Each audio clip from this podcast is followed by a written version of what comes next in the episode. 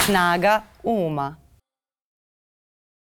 Dobar dan, dragi ljudi, gledate ili slušate podcast Snaga Uma, ja sam Miljana, a ovde iz ponedljaka u ponedljak nastojimo da fenomene i stvari koje nam se dešavaju ponekad sagledamo kroz neku širu sliku, da učimo šablone ponavljanja, da se podsjetimo nekih lekcija koje možda nismo naučili kada je trebalo ili koje smo naučili pa smo zaboravili ili je mnogo vremena prošlo.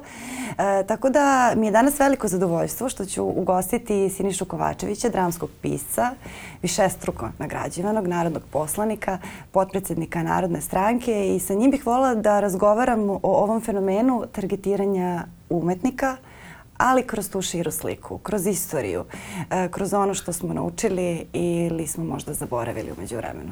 Siniša, dobro mi došli. Bolje vas našao. Hvala vam. Zaista zadovoljstvo mi je da budem kod vas ovde. Kako vam se čini ova tema? Da li uh, svaki put kada nam se dogodi tako nešto goruće, a, zaboravimo koliko nam se puta to događalo i koliko se puta to događalo možda našim precima, našim komšijama. Koliko puta se ponavlja. Da. I u nekim relativno pravilnim intervalima sad nekih par godina ili deseta godina razlike. Pa to su stare stvari. Značaj umetnika u jednom društvenom kontekstu je ogroman. Od uvek. I pre pojave medija. Zamislite koliko je sad porastao i pojavom i elektronskih medija, naročito pojavom filma, pa onda nakon toga i televizije, pre toga je radio bio dominantan, da vas podsjetim da su velike radijske zvezde uspevale da recimo celu Ameriku oteraju u paniku. Sećate se čuvenog, čuvene radiodrame Orsona Wellesa, u kome je, dakle, ubedio Ameriku da su vanzemaljci napali zemlju i Ameriku i toliko je bio sugestivan u svemu tome da je čak i nekoliko ljudi izvršilo samoubistvo. Da. Američki drumovi su se zakrčili automobilima punih ljudi koji su bežali negde da se spasu. Jer uvek je ta, ili recimo pogledajte saj, taj strašni značaj koji recimo Michelangelo ostvaruje svojim umetničkim delima, koliko je miliona ljudi prošlo pored Pijete ili pored, pored Davida ili pored uh, iscrtanih tavanica. Ogroman je to značaj. I onda se naravno i svaka vlast trudila da umetnike drži pod kontrolom. Kako pod kontrolom? Pa najpre materijalnim e, sistemom vrednosti koji im je omogućavao dakle, da preko nekog državnog ili individualnog mecene prebrinu sve brige oko plaćanja, ne znam, u to vreme nije bilo struje i nije bilo telefona, ali je bila, postojala potreba za krovom nad glavom, za krompirom, za nekim drugim stvarima. Naravno da je onda kroz određenu vrstu i nametnutih tema i kroz naručbu i kroz uh, ceo taj sistem vrednosti uvek postojala potreba da se ta silina nečijeg dara, nečijeg talenta, nečijeg uma kanališe, je tako? pa onda od da imate i te prosto e, produkte režima koji su pristajali da svoj talent u potpunosti upregnu bez ikakvih nedomica oko toga da li je njegova umetnička, individualna, filozofska, stvaralačka sloboda na taj način hendikepirana ili nije. S druge strane imali ste one borbene pojedince koji su uvek dakle, bežali iz tog konformizma, bežali iz situacije u kojima dakle imaju nekoga nad glavom ko će kontrolisati i usmeravati njihov talent. Velika većina umetnika upravo takva. Ta neka čežnja za slobodom, za slobodnom mišlju, za slobodnom rečju, za slobodnim potezom kičice, je tako, za slobodnim potezom kamere, za slobodnim izborom teme, kasnije kad je narativna umetnost počela da dominira i da osvaja taj prostor, je uvek nadvladavala i uvek ste imali te ljude koji su, dakle, štrčali iz sistema, pa onda imate, ne znam, nekog Bulgakova koji se pojavi, koji ne odgovara tom nekom sistemu socrealizma u kome se neki jednako daroviti, recimo Maksim Gorki, odlično snašao, pa ste imali onda, ne znam, neke ljude poput uh, na primer, e, opet sad govorimo nekako smo mhm. uzeli kao primjer taj neki rigidni komunizam. Imate ljude, recimo, poput uh, celog uh, jednog korteša velikih, velikih stvaralaca u Mađarskoj, u Češkoj, od, ne znam, Vajde preko Formana pa redom, koji se nisu uklapali u te sisteme vrednosti, pa onda su ili gubili mogućnost da stvaraju,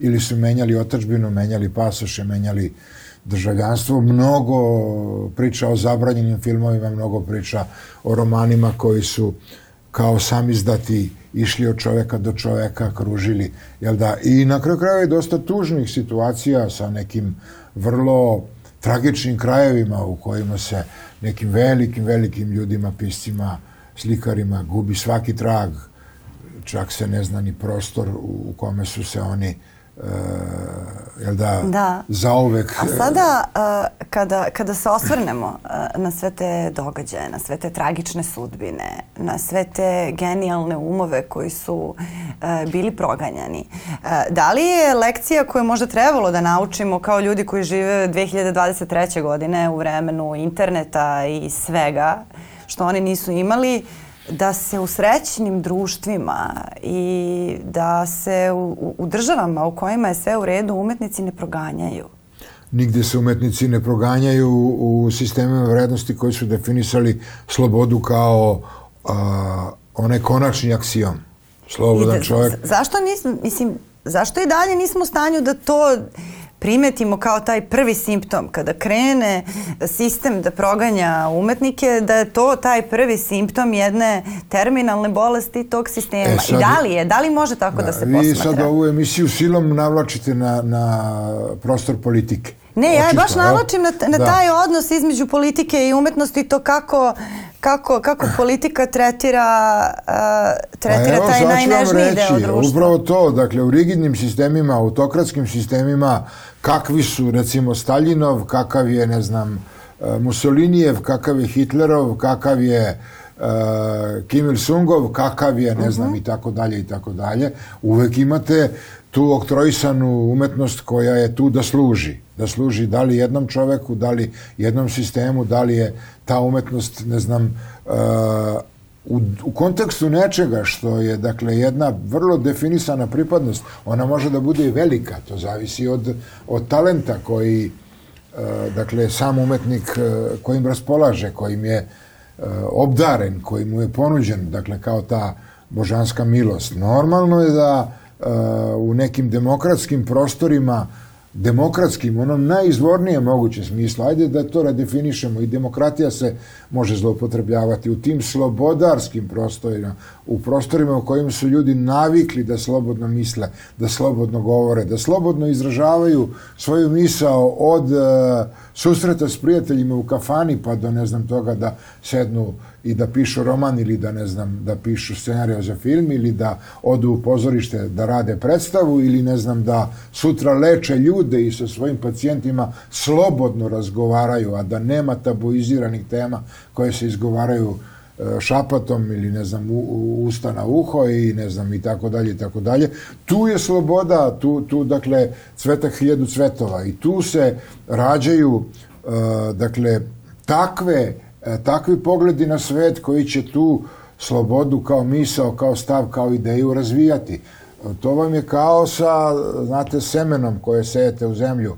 Sloboda niče sporo, polako, to su plodovi koji su redki, koji su vrlo često gorki i kiselkasti, dočim zlo ili ne znam, neka nesloboda posejana, ona niče obiljem i vrlo lako se navići na neslobodu, vrlo lako se navići na taj sistem vrednosti koji vama uh, a, oduzima pravo, dakle, da slobodno mislite, a dakle šta je e, reč, pa to je samo transponovana misao. Vi treba da imate prvo slobodnu misao da biste artikulisali i transponovali u slobodnu rečenicu. Recimo kao novinari. Da, da. Sad zamislite da ste vi imali danas, e, da ste bili suočeni sa problemom, ja sam čovek koji sebe definisao kao protivnika ovog režima, ja sam čovek koji će vas možda dovesti u neugodnu situaciju nekom svojom rečenicom protiv vođe, protiv, ne znam, sistema vrednosti i vi kažete, ok, neću zvati Kovačevića, zvaću Petrovića.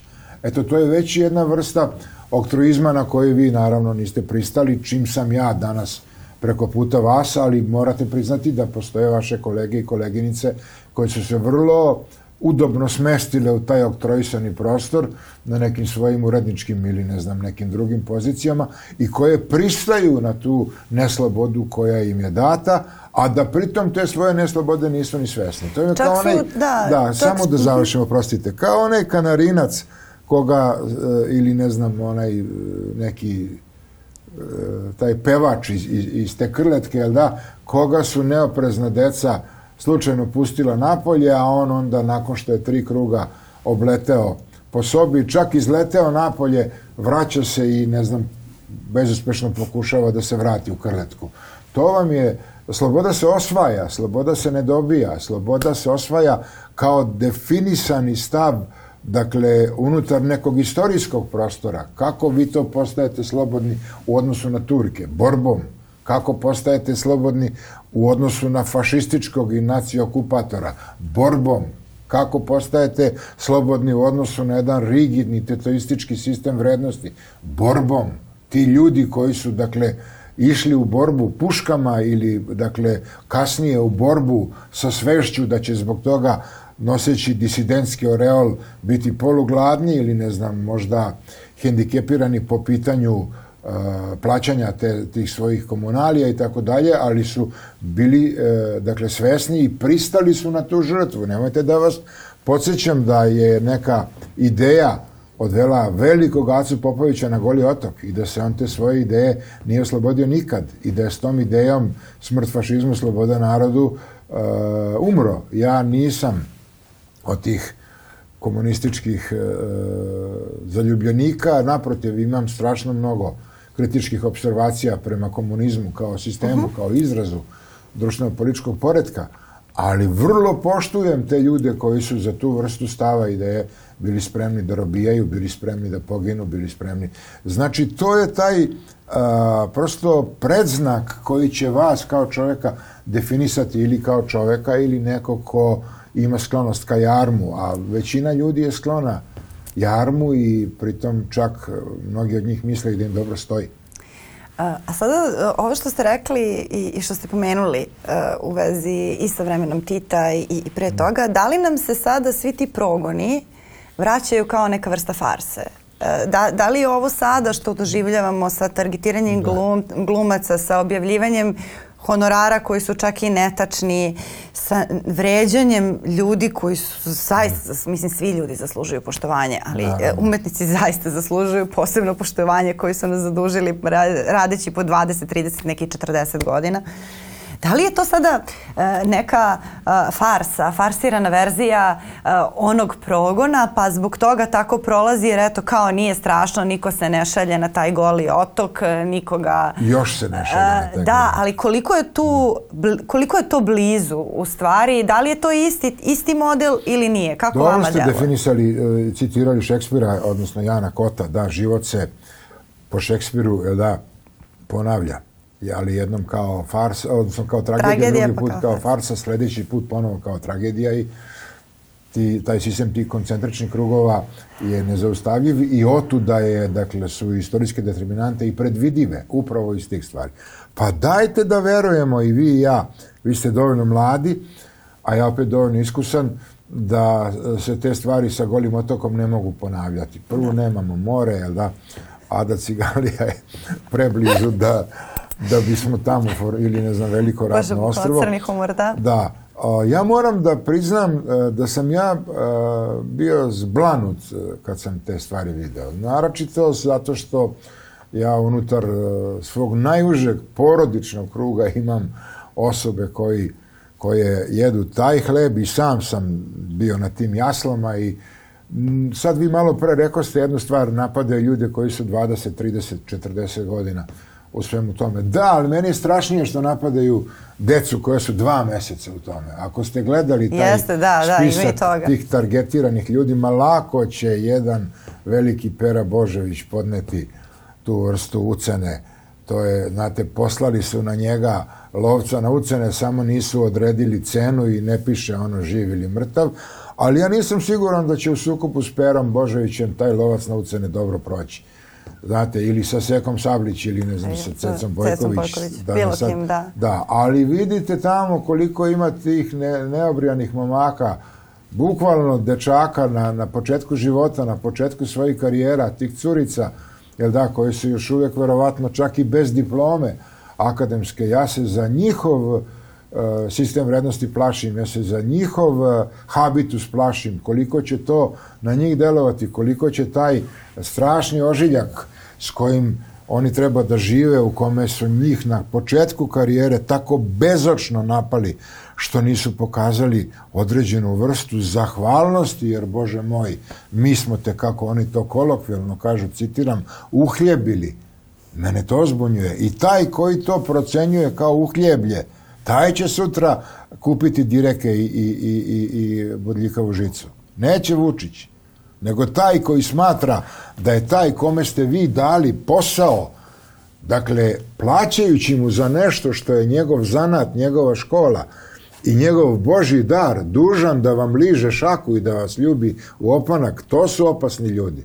To su opasni ljudi. Razumete? A ta vucibatina koja je poslušala Mefista i, i napravila tu vrstu uh, spota, da ne koristimo izraz koji ih je targetirala, imamo mi u srpskom jeziku odličan izraz, nišanila da. ili ciljala. Jel da? da?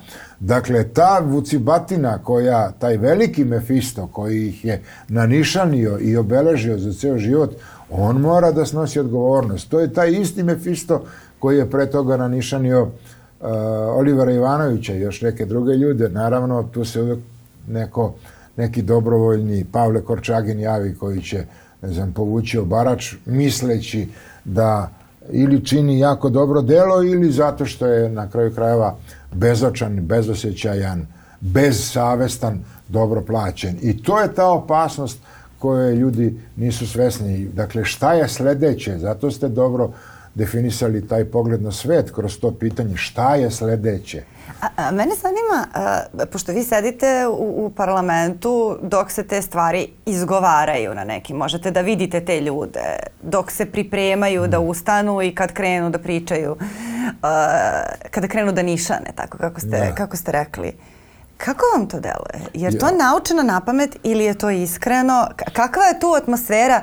E, prosto... Mm, Kako, šta, šta se to dešava? To su, znači, e, jednog čovjeka, seljaka iz okoline Ivanjice su pitali kakav ti je krompir, on je rekao ovaj krupan je odličan, a ovaj sitan ništa ne valja. Mislim, to je, tako je mi i s tim ljudima tamo. To je, ima ljudi koji u to zaista veruju. A ima ljudi kojima to dobro sinekura. Ja sad neću koristiti augmentativ od imenice sinekura, poštujući vas, naravno, i vaše gledalce i slušalce. Da, i preva, ne treba stvarno. Ne, pa upravo da, to vam kažem, naravno, ne bih ga ni iskoristio, nije da. to ni taj tip emisije, ni ste vi takva vrsta voditelja i osobe, ali i imenica sinekura ima svoj augmentativ u srpskom jeziku. To je to dobro za... ne, kad, kad odem u parlament, ali da se sad ne bavimo time, da? onaj ko je trebao da razume, razume. Uh mhm. -huh. Dakle, a, ti koji to rade, a, iz viška vere, oni zaslužuju manje prezira. A oni koji to rade iz lukrativnih razloga, oni su, dakle, dostojni svake vrste prezira i oni, njih treba prezirati. I ja ih tačno razlikujem.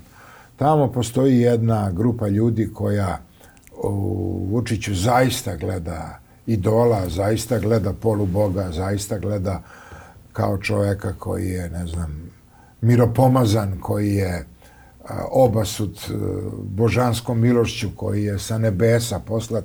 Ja pre mislim da je poslat od strane njegovog političkog oca i nekih prozapadnih e, odnosno zapadnih e, demokratija koje su u njemu prepoznale čoveka koji će sve ono što treba da se uradi uraditi, samo što je on u toj u tom otpošljavanju tog posla malo zadocnio, pa sad ima neke male probleme, a da se vratim na vaše pitanje, dakle, e, ta količina prostakluka i primitivizma je uvredljiva i ona meni, dakle, sa ovim mojim godinama i sa čovjekom koji vrlo često koristi psovku, naravno u literaturi i naravno u poslu kojim sam se bavio i kojim se bavim, jer ona tamo ima legitimitet, ali je izgubila legitimitet i ne treba da bude u kontaktu i komunikaciji pristojnih ljudi Jovan Skerlić je govorio da se u parlamentu, odnosno da bi u parlamentu trebalo sedeti kao u crkvi, a razgovarati kao u Akademiji nauka.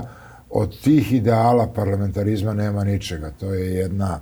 Nama više ni crkva ne izgleda kao crkva. Pa ništa nam više ne izgleda kako, kao što je. Ne, znate kad su pitali jednu babu, došla je unučica iz škole, imala je domaći zadatak i pitala je baku, bako šta je bilo pre, kokoška ili jaje?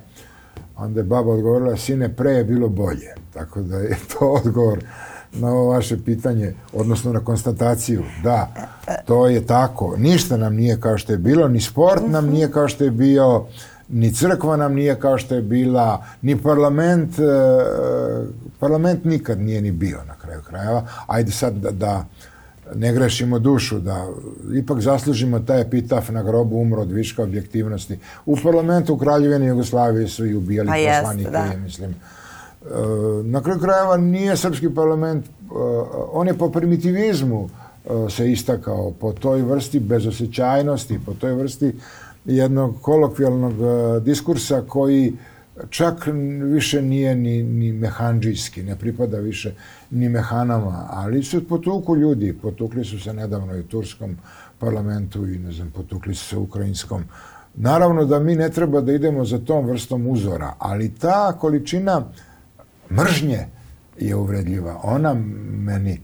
Ja tamo idem jako, s jako velikim naporom, prosto zato što nikad ne znate kroz kakvu buku, kroz kakav bes će neko biti provučen, šta će se tamo reći nekom čoveku Kakve će se sad to fotografije izvući? Pa mislim, kakve to veze ima što je neko, ne znam, bio pijan u kafani? Pa valjda neko ima pravo da se napije, valjda ima neko pravo ne znam, razumete, sad vi tu mašete nekim fotografijama i nečim svedočanstvima iz osnovne škole i srednje škole, pa ni to politička borba za ime Boga. Valjda u političkoj borbi vi treba da, ne znam, zagovarate potrebu da se srpsko školstvo reformiše na šestogodišnje osnovno i šestogodišnje srednje, a ja da branim tezu da bude osmogodišnje i ne znam četvorogodišnje i da onda oko toga razgovaramo ili ne znam da predviđajući ove užase koje nam klimatske promjene donose, jer vidite, živimo ih i danas, je tako,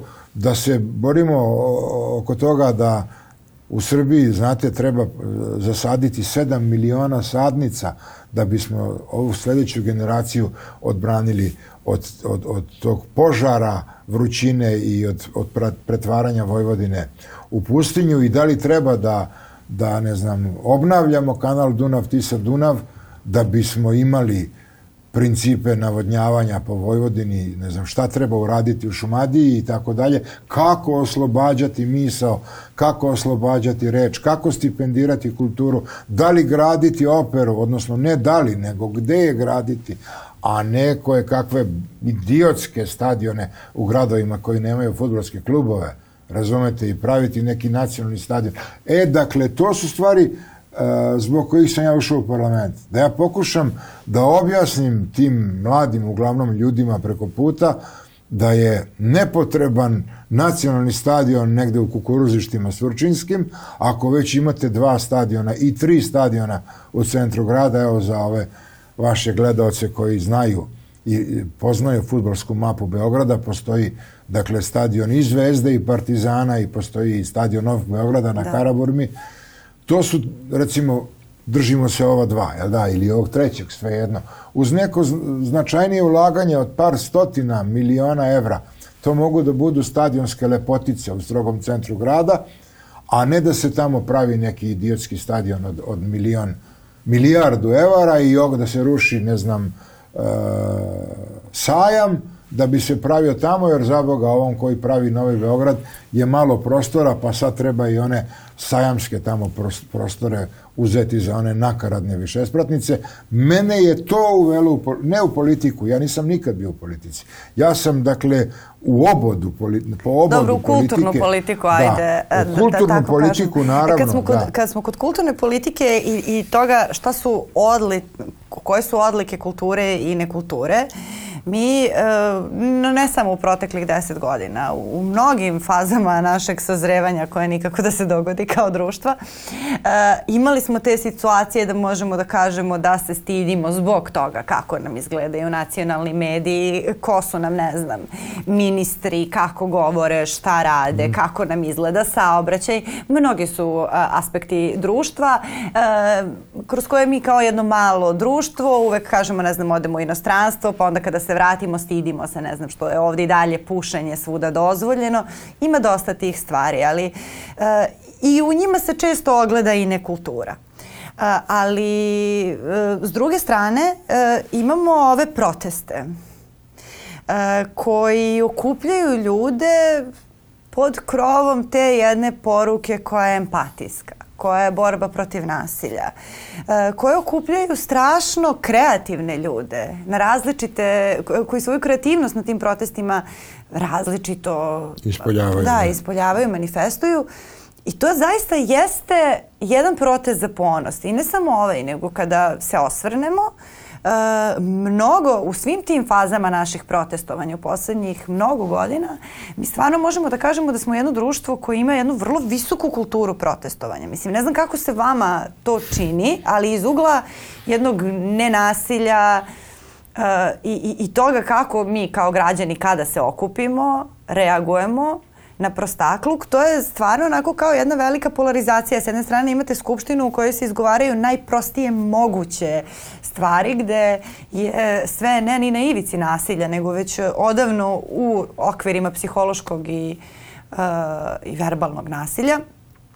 A s druge strane, ispred Skupštine imate jednu totalno drugu, drugu priču. Kako gledate na taj fenomen? I da li mislite da, da, da možemo da se ponosimo tome, time kako Naravno. E, znate kako, ajde, pokušat ću da napravim jednu hemijsku metaforu. Uh mhm. -huh. Dakle, postoji taj fenomen zasićenog rastvora. Vi u 5 litara vode ne možete sipati neograničenu količinu soli ili šećera i samo ga topiti, topiti, topiti, da. nego do trenutka kad se za, rastvor prezasiti, ponovo počinje kristalizacija. Jel, tako vam je i sa ovim, aj sad da prosto se ne vraćamo na tegobu i težinu. Dok latno previše da, zaljubljeno u jednu jest, stranu, da. ode u drugu.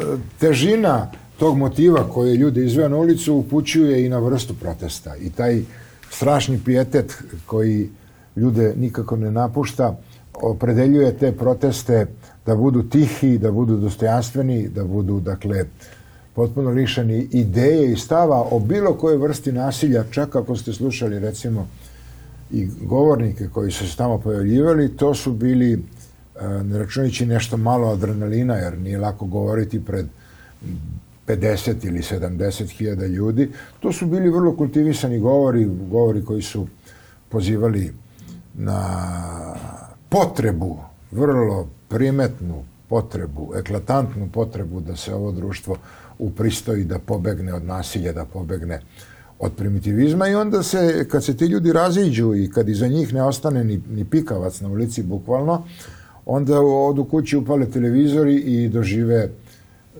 ono što otprilike i bilo za očekivati da u jednom od svojih redkih pojavljivanja na, na televiziji, jel da predsjednik države ih nazove bitangama, džabalebarošima, barabama, jel, redkih hijenama, na hijenama, ološima, da, naravno da ironiziram, imate jedan neverovatni podatak. Dakle, ako se trudio uh, uvaženi predsjednik ove zemlje da uđe u istoriju, na svaki način uspeo je.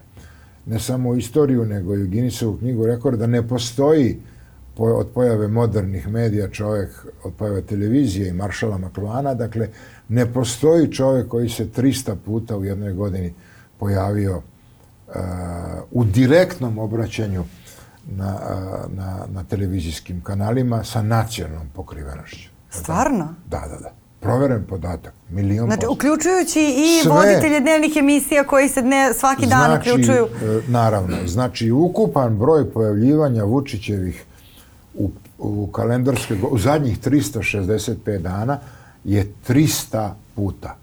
I znate sa koliko, ne računajući one vesti koje su dakle nacionalne televizije mm. prenosile u smislu danas je otvorio ovu fabriku, bio je tu, ne znam, obišao je to, dočekao je, ne znam, ovaj avion, ispratio je o, o, ove ptice na jugu, ove, ne znam, i tako dalje, i tako dalje.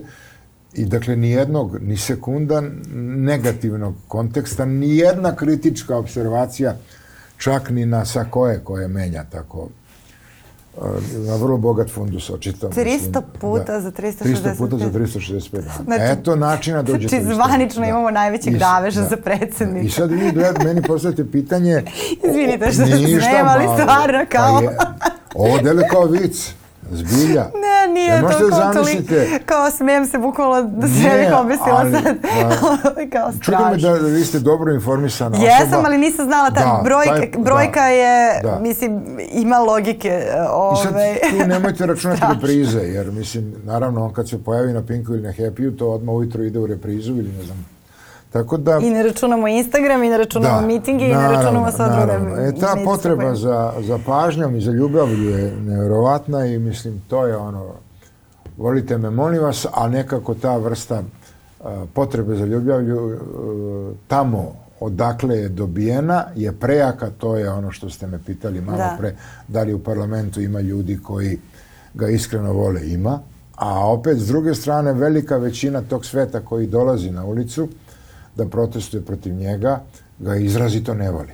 I sad ne bih se usudio da kažem da je e, to prešlo, u, ta kolektivna frustracija prešla u mržnju, jer to ne bi bilo dobro, ni za njega, ni za one koji ga ne vole. Ta emocija je kontraproduktivna, ali da se definisao jedan vrlo primetni i postojeći prezir, to je apsolutno tačno i onda se dakle kao paradigma ili kao primer za ugled tog prezira javlja jedna ironijska distanca i ta duhovitost o kojoj ste pričali, mislim, gde je... To su ta deca koja se deklarišu da. kao lešinarčići da, da, da, i, da, da, i slično. ste to. A sada kad smo, uh, ovaj, kad recimo govor, često se pominje taj fenomen kuvane žabe, da. sporo skuvane žabe u, u, i u političkim i u socijalnim i u različitim drugim kontekstima.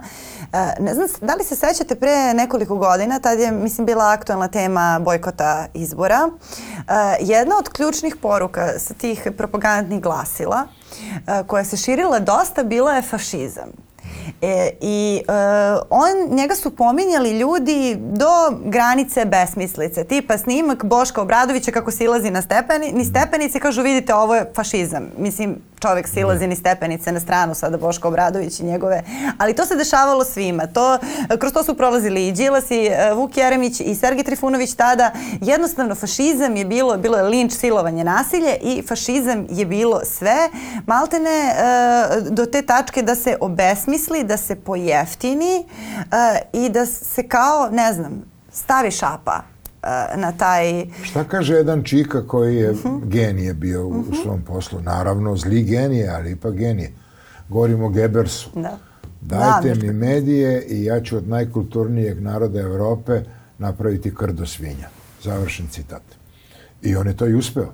Da. Jel, ako pristajete na činjenicu, ajde da sada baš tu vrstu kvalifikacije ne lepimo uz ceo nemački uh mhm. -huh. narod, da je najkulturniji narod Evrope, ali narod svakako jedan od kulturnijih naroda Evrope, narod koji je imao GTA, narod koji je imao Schillera, narod koji je imao Tomasa Mana, narod koji je imao da ne pričamo o velikim kompozitorima od Wagnera pa redom i tako dalje i tako dalje, u šta ga je pretvorio tim stalnim ponavljanjem, tim rečenicama mržnje, veštinom korišćenja loših uh, reči, pretvorio ga zaista u, u, u jedno krdo koje je samo zbog činjenice što neko, ne znam, uh, ima uh, jevrejski prefiks u svom nacionalnom kontekstu ili, ne znam, slovenski, jel tako, nije uh, dostojan života, a ne nečeg drugog, ne poštovanja, nego života i to kao što su Austrijanci uradili u toj jednoj vrlo kvalitetnoj kampanji prilagođeni dakle, prilagodivši je medijima toga doba u kome je ubiti e, Balkanca bilo kao zgaziti Bubošvabu, ili da, naročito Srbina, da da ne idemo u, u ovu drugu krajnost u koju ide N1, ako dozvoljavate, mislim. Znate, Jokić je izjavio nakon ove velike pobede da je, misleći na sebe i na Novaka Đokovića, citiram, lepo je biti Srbin ovih dana. Vaše kolege sa N1 su to prevele kao lepo je biti građanin Srbije ovih dana. Mislim, nemojte da, da pravimo... Nisam to ispratila, tako pa, da to ne vi ste očito, niste se pripremili za ovu emisiju. Niste ni to ispratili, a niste ispratili ni činjenicu da je Vučić 300 e, puta se pojavio u 365 dana. Dakle, govorim vam o veštini upotrebe reči i da postoji uh, nešto što Ostrovski fantastično dobro definiše kao talenat, To je dakle osjećaj za meru. Nemojte preterivati u rečima ni na jednu ni na drugu stranu, pronađite osjećaj za meru i ne bojite se vlastitih rečenica, one će onda dakle padati po dobrim ljudima ako su s dobrom namerom rečene kao plaha, lepa ona avgustovska kiša, ne ova kiša koja nam je već svima dosadila. E, to vam je upotreba reči i to vam je veština upotrebe e, reči sam... i to je uh mhm. -huh. ono što ovaj nesrećni čovek koji već toliko godina vlada nama nema i što on ima tu uh, usplahirenu emocionalnost koja ga od straha vodi u egzaltaciju u zavisnosti valjda toga koliko šardoneja je tog dana uh, bilo pred njim i otud da imate u toku jednog dana pozive na ne znam pomiritelne sastanke, dođite braćo rođena, evo spremio sam vam Coca-Colu i, i, i trešnje, a s druge strane opet istog dana popodne u nekom obraćanju preko Instagrama ili ne znam preko neke, neke od tih njemu tako malo naklonjenih televizija imate lešinare smrt, silovanje, nasilje i tako dalje i tako dalje. E sad, da, kad smo kod mere, uh, ovaj, uh, dakle, imali smo taj, taj period uh, smrt, silovanje, nasilje i sve je fašizam. I to su bile poruke koje su e, dolazile iz propagandnih glasila. odlično ste me podsjetili, e, izgubih zato što, Zato što ste prekinuli da, da. u pitanju koje pokušava da pokinu. Nisam vas u pitanju, nego sam, ne, jel, jel sam uh -huh. ja gost ovdje ili vi? Ko je ovdje gost? Uh, pa oboje smo gosti, ovo je podcast sagovornici, smo nije Ma zadovoljstvo je samo razgovarati, zaista. Dakle, nema u ovoj zemlji fašizma. Ima naznaka fašizma. To vas pitam. Da, ima da, li, naznaka, da li je to bilo da, da li je to bilo priprema? Ja da li je to bila priprema uh, i, i banalizacija da u trenutku kada se krene uh, sa nekakvom fašističkom farsom, koja nije pravi fašizam, ne u onom kontekstu u kom smo govorili, da jednostavno to tako prođe. Tako. I da li ta fašistička farsa, ukoliko se prepusti sobstvenoj toj nekoj metastazi. Ja sad sam počela da sam izražavam koji... Ove, šta fali tome? Šta fali tome? E, da, da li ona može da ide... godina sam koliko daleko da ona da može da, tako. Koliko daleko ona može da ide... Ja, može, imam, ja da. sam u talasima. I može jako daleko da ode, valjda neće. Dakle, e, ponovite tu jednu laž sto puta i ona će se primiti kao istina. I mislim, onda vidite... Ja imam 22 godine, ja imam 22 godine, ćemo da, tako? naravno. ja imam 85 kila, ja imam 85 kila i tako. Tako ćemo doći do, do savršenih godina i savršene linije. Znači, ovako stvari stoje. Vi sada uh, nanišanite nekog Peru, Janka, Marka, nije bitno i ja sam recimo, evo, dozvolit ćete, ja sam proglašen pedofilom, alkoholičarom i ja bazdim. To su recimo, imam pravo da te, te epitete ponovim pred vama ovde, jer su epiteti koji su, dakle, direktno vezani za mene. I ja nemam mogućnost da ja sada idem ljude i vučem za rukav i da, ne znam, govorim svakom pojedinačno, vidi, ja imam dve unučice, imam čerku i ne znam, ja nisam pedofil ili ne znam, sticajem okolnosti iz nekih zdravstvenih razloga 25 godina nisam popio kap alkohola i napio sam se tri puta u životu.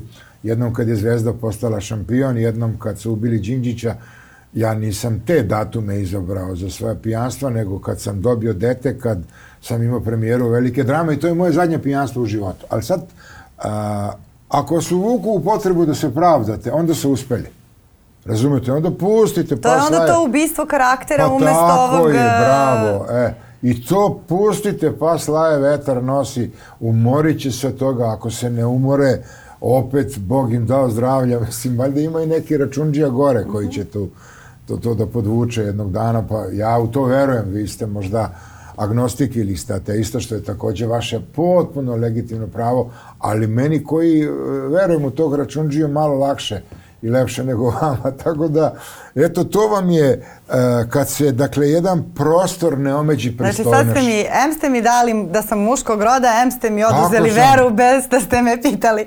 Pa ne mogu da budem ateista, mogu da budem ateistkinja. A dobro, sad, toliko ste rodno senzitivni, ateistkinja, izvinjavam se. Hvala. I treba da budete. Hvala. Pa, I ja se trudim, evo, ja, ja uporno tvrdim da su žene bolji deo čovečanstva, zaista i tako i mislim, a to što ponekad nisam rodno senzitivan, pa pustite, na mene je ta impregnacija padala 50 godina, da je, ne znam, da trener je i muški i ženski trener, a jasno, da žena jasno, nije jasno. trenerica ili trenerka i trudim se koliko god mogu tamo gde je to u duhu jezika i gde to jezik dozvoljava da zaista budem rodno senzitivan, ali ne mogu svugde. Stvarno ne mogu Jasno, da, ma jasno, znam na šta- Tako na da, šta e sad da vam, dakle, odgovorim na ovo pitanje. Dakle, tamo gde prestaje pristojnost, počinje anarhija. A u anarhiji vi šta imate? Pravo uh, primjene sile. U anarhiji vladaju oni koji su ili najbezočniji ili najjači. Ti najbezočniji će se naoružati i onda će sa noževima ili s pištoljima otimati sve što im se dopadne. Oni najjači koristit će svoju veštinu i svoje pesnice da bi došli do onoga do čega im je stalo i onda vidite kako jedna dakle mala dobra, topla reč koja se zove pristojnost, što bi ovi twitteraši rekli pristojniti, jel da, vodi u anarhiju, vodi u haos, vodi u primitivizam, vodi u to da neke ljude napravite iskreno nesrećnim zato što su ih, ne znam, tamo u parlamentu nazvali ovakvima ili onakvima, gubeći iz vida da recimo nečiji roditelji oni koji su blagoslovljeni time da imaju još uvijek žive roditelje, gledaju taj prenos Skupštine čekajući svoju curicu ili svog dečka da ga vide kako tamo briljira ili ne znam, nečija deca gledaju kako mu tatu nazivaju alkoholičarem, uh, vucibatinom. Nije to stvar uh, tek tako i tako jednostavna. Znate, uh, javna reč podrazumeva veliku količinu odgovornosti. A da biste e, bili svesni te odgovornosti, vi morate biti moralno intelektualno formatirani. A velika većina tih ljudi nema taj format ni moralni ni intelektualni. E sad kako i privodim ovaj razgovor kraju, htela sam da vas pitam, sada pošto smo se i osvrnuli na te neke prethodne epizode, što tragične, što više okrenute farsi, e, da neki je osjećaj da je ovo stvarno kraj. Da sada nakon svega što se desilo početkom maja, e, da su se stvari toliko ogolile, da su počeli da govore te neke stvari o kojima se samo možda šuškalo po lokalu i da jednostavno više nema dalje. Kakav je osjećaj u Skupštini? Da li je osjećaj taj kao da je to neko koprcanje ili ta ne, ne baš labudova pesma, nego ne znam šta je, bi moglo da bude nekakva rika uh, u ovom slučaju jer nije lepo. Ali šta je, šta, šta je ovo sada što se dešava? Jer činjenica je da, da smo imali i u poslednjih uh, mesec dana jednu dodatnu eskalaciju nekog govora i ponašanja koje već deset godina eskalira. Ja imam utisak da kad vi pređete prag e, Narodne skupštine da izgubite osjećaj za realnost. I to je taj neki čarobni mehur od sapunice u kome vi imate utisak da je to neki ne samo mikro nego makro kosmos u kome ste vi tako e, povlašćeni činjenicom da ste tamo. I onda naročito ako uzmete u obzir i tu e, psihologiju grupe, psihologiju mase koja je da e, nije e, skup individua koje će dakle onda svoje političke ili ne znam e, neke druge stavove kolektivizovati, nego je to kao masa i uvedeno tamo. Onda imate ovo što imate tamo gde imate e, individue, dakle kao nosioce neke sreće nacionalne ili ne znam društvene, vi tamo imate srećne narode. Zašto su Danci srećan narod? Pa zato što je, dakle, kad saberete sve te individualne ili finci, individualne sreće ta emocija kolektivizovana. Što naravno ne znači da među fincima nema nesrećno zaljubljenih ili među dancima ili onih koji danas iskreno pate jer ih je žena njihovog života zaovek napustila. Okej, okay, Ali, dakle, Ali nema oni koji su nesrećni zato što su danci. Naravno. Da. E, I znači kad uđete, pritom ta, je, ta grupa ljudi je vrlo dobro organizovana i nemojte da uh, prenebregavate ni jednog trenutka uh, smisao za vladanjem i potreba, ajde pomozite mi da nađem pravi pa adres, potreba za moći, je li tako? Da. Potreba za moći je vrlo izražena kod, kod e, predsjednika ove zemlje. I on je okružen raznim savjetnicima, nemačkim, izraelskim, ovim, onim. On je po ceo dan nagnut na, nad, ne znam, Twitterom, broj lajkove. On svaki dan, bukvalno svaki dan dobija uh, izveštaje raznih agencija o rejtinzima, o popularnostima i onda, aha, danas si, ne znam, izgubio si određeni procenat kod mladih majki. Daj brzo 10.000 Pare mamama, da. Mami, ne znam, malo si kod penzionera, Boga mi popustio, dodaj 5% penzionerima, ne znam, razumete? Ili vitamine, onda, daje. to je tek, tek bilo strašno, i da, da. kao daj, daj I kad imate, vitamine. pritom ti vitamini su kupljeni kod da, Mađara i da. plaćeni nekoliko desetina miliona evra i mene zanima samo ko je bio uvoznik pratite novac i uvek. novac će vas odvesti svugde tamo. Dakle, do, do istine vas vodi uvek. Trag I da rezimiramo, da li mislite da je ovo poslednja, poslednja ne. scena Pitali ste me nešto drugo, kakav je to svet tamo. Uh, ne mogu da kažem polusvet, jer tamo ima i, i nekoliko časnih i čestitih ljudi, obrazovanih ljudi.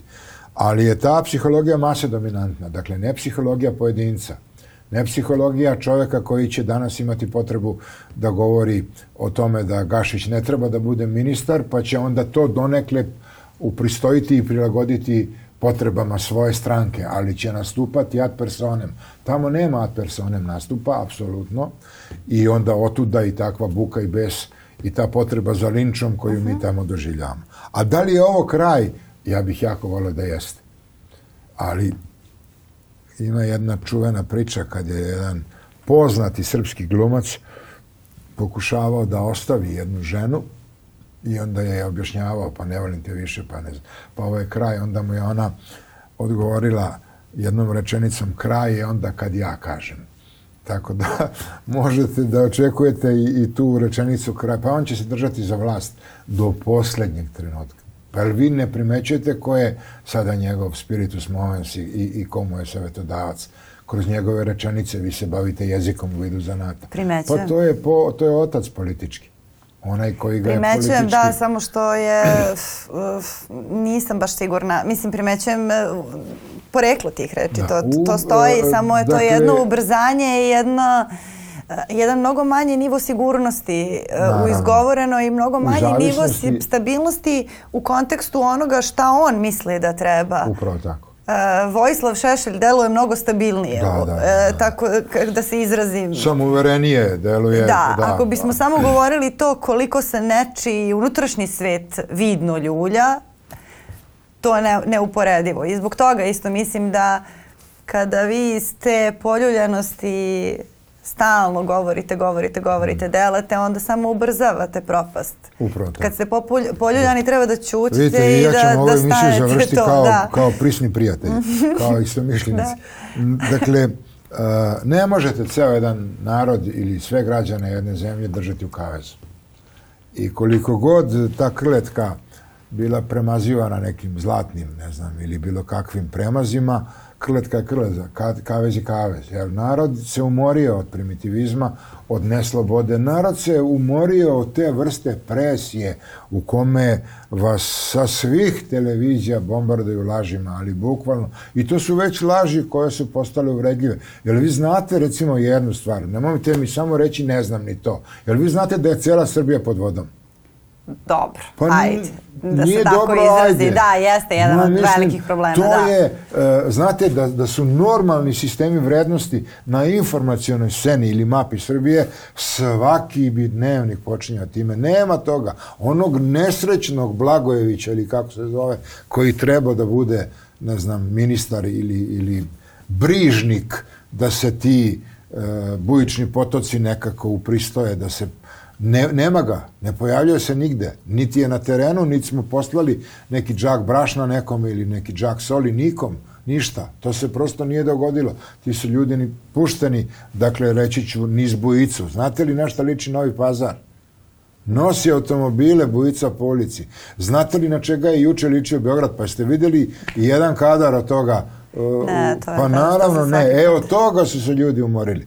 A zato što je dakle, moderno vreme ponudilo informaciju i spoznaju drugim sredstvima, ali to su, to su, to, to su dakle, informacije koje su dostupne meni, vama, vašim prijateljima, u Merašini nisu dostupne. A Ali oni Merašini- vide da su pod vodom. Pa da, ali u Merašini žive ljudi koji u tu kutiju još uvijek veruju i koji kažu, jebi ga, citat Merošinca jednog, to su hiljadugodišnje kiše. Nismo krivi. Izvinjavam se zbog ovog citata.